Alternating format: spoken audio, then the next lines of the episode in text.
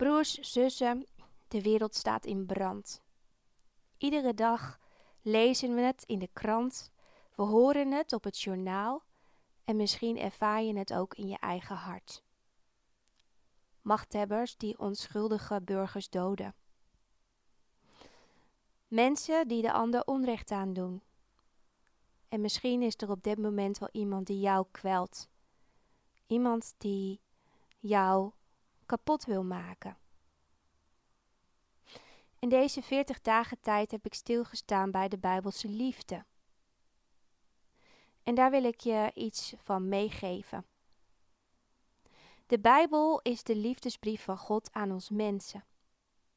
Vooral in het Nieuwe Testament wordt deze liefde sterk benadrukt. Het is de goddelijke liefde, de liefde tussen God de Vader en Jezus de Zoon.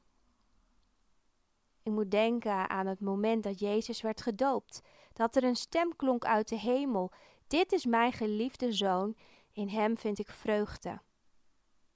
Hoe bijzonder is het dat diezelfde liefde die zich van God naar ons mensen uitstrekt en in de Bijbel met AKP wordt aangeduid.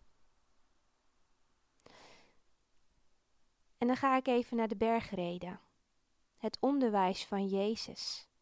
In de bergreden spreekt Jezus over de liefde voor de vijand en daagt zijn toehoorders uit met de woorden: Jullie hebben gehoord dat gezegd werd: Je moet je naaste lief hebben en je vijanden haten. Maar ik zeg jullie wat anders: Heb je vijanden lief en bid voor wie jullie vervolgen. Een hele opdracht, nietwaar? Een moeilijke opdracht en laten we dat maar eerlijk tegen elkaar zeggen. Wat bedoelt Jezus hiermee?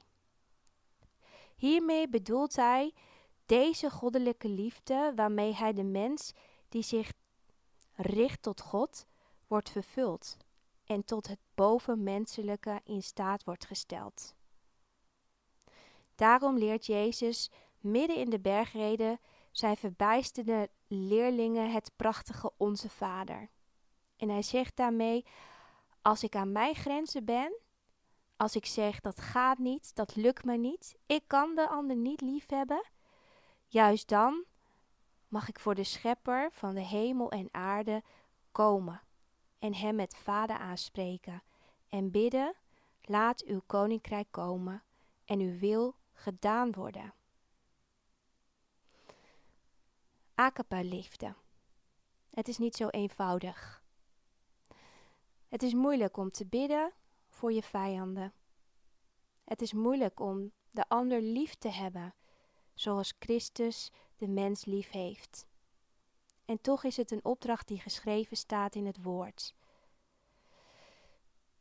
Bedenk daarbij dat God het onrecht haat.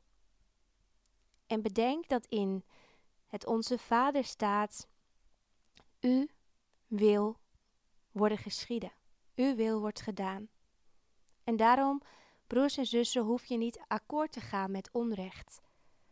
Maar je mag het wel leggen in de handen van een rechtvaardige God.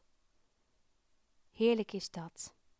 Zo wordt jouw hart niet verbitterd, maar mag je troost vinden bij de trooster en weten dat je een geliefd kind bent.